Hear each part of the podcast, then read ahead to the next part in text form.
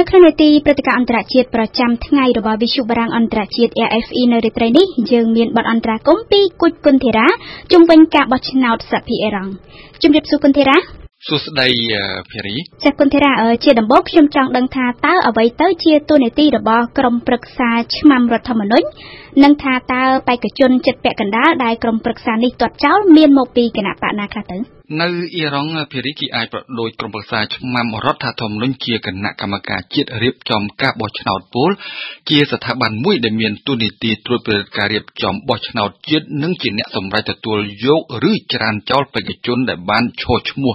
តែគេមិនត្រូវភ្លេចនិយាយពីភាពលំអៀងរបស់ក្រុមប្រឹក្សាមួយនេះទេព្រោះសមាជិកភាគច្រើនជាអ្នកអភិរក្សនិយមអញ្ចឹងហើយបានជាបេក្ខជនឈរឈ្មោះដែលក្រុមប្រឹក្សាមួយនេះបានទាត់ចោលច្រើនជាអិសរាជជនមកពីក្រមអ្នកកំណែទម្រង់និយម និងក្រមអ្នកកណ្ដាលនិយម គួរបញ្ជាក់ថាសពថ្ងៃរដ្ឋាភិបាលអ៊ីរ៉ង់ជារដ្ឋាភិបាលចម្រុះដឹកនាំដោយក្រមអ្នកកំណែទម្រង់និយមនិងអ្នកកណ្ដាលនិយមដែលគ្រប់គ្រងប្រធានាធិបតីលោកហាសាន់រ៉ូហានី ហើយរូបលោករ៉ូហានីផ្ទាល់ក៏ជាអ្នកកំណែទម្រង់និយមនិងអ្នកកណ្ដាលនិយមដែរតែនៅក្នុងការបោះឆ្នោតសភាលើកនេះដែលជាលើកទី11គិតតាំងពីក្រោយបដិវត្តអ៊ីស្លាមអ៊ីរ៉ង់ក្នុងឆ្នាំ1979សម្ព័ន្ធនៃក្រុមអ្នកកំណែទម្រង់និយមនិងអ្នកកណ្ដាលនិយមមិនបានបញ្ជូនបេក្ខជនរួមគ្នារបស់ខ្លួនទៅទេ ដល់អញ្ចឹងទៅគណៈបកកំណែទម្រង់និយមទាំង8គណៈបកក៏បានសម្រេចចិត្តបញ្ជូនបញ្ជីឈ្មោះបេក្ខជនដាច់ដោយឡែករបស់ខ្លួនតើហេតុផលនេះឬភារីដែលបានជំរុញឲ្យក្រុមប្រឹក្សាឆ្មាំរដ្ឋធម្មនុញ្ញទាត់ចោលបេក្ខជនដែលភាគច្រើនមកពីគណៈបកកំណែទម្រង់និយម វាអាចជាហេតុផលមួយដែរតែបើពិនិត្យមើលឲ្យបានស៊ីជម្រៅបន្តិចទៅនិន្នាការនយោបាយនៅអ៊ីរ៉ង់ច្រើនតែមាននៅខាងក្រមអ្នកអភិរក្សនិយមឬហៅថា អ្នកតឹងតែនិយមប៉ុន្តែស្ថាប័នសភានិងប្រធានាធិបតីសពថ្ងៃស្ថិតក្នុងដៃអ្នកកំណែទម្រង់និយម និងអ្នកកណ្ដាលនិយម តែមានស្ថាប័នសំខាន់សំខាន់និងមានឥទ្ធិពលខ្លាំងផ្សេងទៀតកំពុងស្ថិតក្នុងកណ្ដាប់ដៃអ្នកអភិរក្សនិយមដូចយ៉ាងក្រមប្រឹក្សាឆ្មាំរដ្ឋធម្មនុញ្ញ តុលាការ និងសភាក្រុមអ្នកជំនាញដែលមានតួនាទីជាអ្នកជ្រើសរើសប្រមុខសាសនាអ៊ីស្លាមអ៊ីរ៉ង់ភារីតើហេតុផលនេះឬគុនធីរ៉ាដែលក្រមអ្នកអភិរក្សនិយមនឹងអាចនឹងទទួលបានជ័យជំនះនៅក្នុងការបោះឆ្នោតសភានៅប្រទេសអ៊ីរ៉ង់នេះពេលនេះ អាចជាហេតុផលមួយភារីតែនៅមានហេតុផលសំខាន់សំខាន់មួយចំនួនទៀតដែលសភាថ្មីអ៊ីរ៉ង់អាចនឹងធ្លាក់ក្នុងកណ្ដាប់ដៃរបស់ក្រមអ្នកអភិរក្សនិយមហេតុផលសំខាន់ជាងគេគឺតរយៈការនយោបាយសេដ្ឋកិច្ចនិងការទូតរបស់រដ្ឋាភិបាលក្រោមប្រធានាធិបតីលោកហាសានរ៉ូហានីគួររំលឹកថា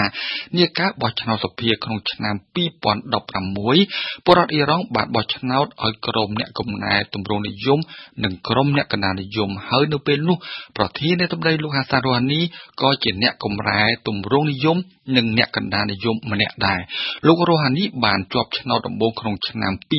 2013និងជាប់អាណត្តិថ្មីក្នុងឆ្នាំ2017 2012បានសន្យាច្រើនណាស់ពិសេសលើកស្ទួយសេដ្ឋកិច្ចជាតិនិងបើកចំហប្រទេសទៅកាន់ពិភពលោកដោយភ្ជាប់ទំនាក់ទំនងប្រក្រតីឡើងវិញកិច្ចព្រមព្រៀងនុយក្លេអ៊ែរអ៊ីរ៉ង់ឆ្នាំ2015ដែលលោករ៉ូហានីបានសម្រេចជាមួយសហគមន៍អន្តរជាតិបានហុចក្តីសង្ឃឹមធំធេងណាស់ដល់ពលរដ្ឋអ៊ីរ៉ង់កិច្ចព្រមព្រៀងមួយនេះជាថ្នូវនឹងការលើកទណ្ឌកម្មសេដ្ឋកិច្ចអន្តរជាតិមួយចំនួនចេញពីអ៊ីរ៉ង់តែបញ្ហានៅត្រង់ថាការរំពឹងនិងក្តីសង្ឃឹមទុករបស់ពលរដ្ឋអ៊ីរ៉ង់ហាក់បន្តនៅជាសុបិននៅឡើយលើសពីនេះនឹងតាំងពីក្រោយអាមេរិកដកខ្លួនចេញពីកិច្ចព្រមព្រៀងរួចដាក់ទណ្ឌកម្មសេដ្ឋកិច្ចជាថ្មីលើអ៊ីរ៉ង់មក ស្ថានភាពសេដ្ឋកិច្ចអ៊ីរ៉ង់បានធ្លាក់ដុនដាបយ៉ាងខ្លាំងរហូតមានអត្រាអតិផរណាដល់ទៅ 50%គេចាំមិនភ្លេចក្នុងខែវិច្ឆិកាឆ្នាំ2019ពលរដ្ឋអ៊ីរ៉ង់បាននាំគ្នាធ្វើបាតកម្មប្រឆាំងរដ្ឋាភិបាលតែបានរងការវាយបង្ក្រាបយ៉ាងមហោឈាមដូច្នេះគេអាចនិយាយបានថាគឺតុល្យការរបស់រដ្ឋាភិបាលសពថ្ងៃដែលបានធ្វើឲ្យពលរដ្ឋខកចិត្តខ្លាំងនិងអាចផ្ដល់ជ័យជំនះឲ្យក្រុមអ្នកអភិរក្សនិយមនៅក្នុងការបោះឆ្នោតសភាលើកនេះភារី បើតាមមើលទៅគុនធីរ៉ាតើសភាក្នុងដៃក្រុមអ្នកអភិរក្សនិយមនឹងអាចជួយស្រោចស្រង់ស្ថានភាពសេដ្ឋកិច្ចអ៊ីរ៉ង់បានត្រឹមណាដែរអ្វីដែលគ្រប់គ្នាកំពុងបារម្ភខ្លាំងនិងកំពុងតាមមើលពីនេះភារីគឺកំណើនរបស់ក្រុមអ្នកអភិរក្សនិយមជ្រុលក្រុមអ្នកអភិរក្សនិយមធម្មតាប្រហែលជាល្មមទេ តែបើមានជ្រុលនៅក្នុងនឹងហើយគឺប្រកាសជាយ៉ាប់ខ្លាំងណាស់អញ្ចឹងហើយបានជាពេលនេះសូម្បីតែក្រុមអ្នកអភិរក្សនិយមធម្មតា ក៏បានអំពាវនាវឲ្យពលរដ្ឋអ៊ីរ៉ង់គ្រប់រូបចូលរួមបោះឆ្នោតឲ្យបានច្រើនកុះកដែរពិសេសពលរដ្ឋដែលបានខកចិត្តនឹងតុល្យការរបស់រដ្ឋាភិបាលផុតអាណត្តិអ្វីដែលគ្រប់គ្នាកំពុងបារម្ភខ្លាំងពេលនេះគឺអត្រាអ្នកចូលរួមបោះឆ្នោតតិចតួចដែលអាចជាការទុកផ្លូវឲ្យក្រុមអ្នកជ្រុលនិយមឆ្លៀតឱកាសបោះឆ្នោតឲ្យក្រុមអ្នកអភិរក្សនិយមជ្រុលបើក្រុមអ្នកអភិរក្សនិយមជ្រុលមានសម្លេងភាគច្រើននៅក្នុងសភា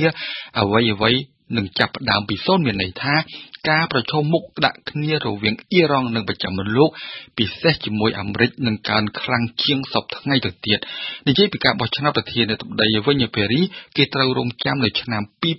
2021តែបើក្រុមអ្នកអភិរក្សនិយមឈ្នះឆ្នោតសភាពេលនេះប្រធានាធិបតីសពថ្ងៃលោករ៉ូហានីដែលកំពុងឈឺក្បាលស្រាប់នឹងស្ថានភាពបច្ចុប្បន្នជាមួយសភាក្នុងដៃខ្លួនឯងនោះនឹងរឹតតែពិបាកជាមួយនឹងសភាមកពីក្រុមផ្សេងភារីសូមអរគុណគុជគុណធីរ៉ាសម្រាប់បទអន្តរាគមក្នុងនេតិព្រឹត្តិការណ៍អន្តរជាតិប្រចាំថ្ងៃនៅរាត្រីនេះ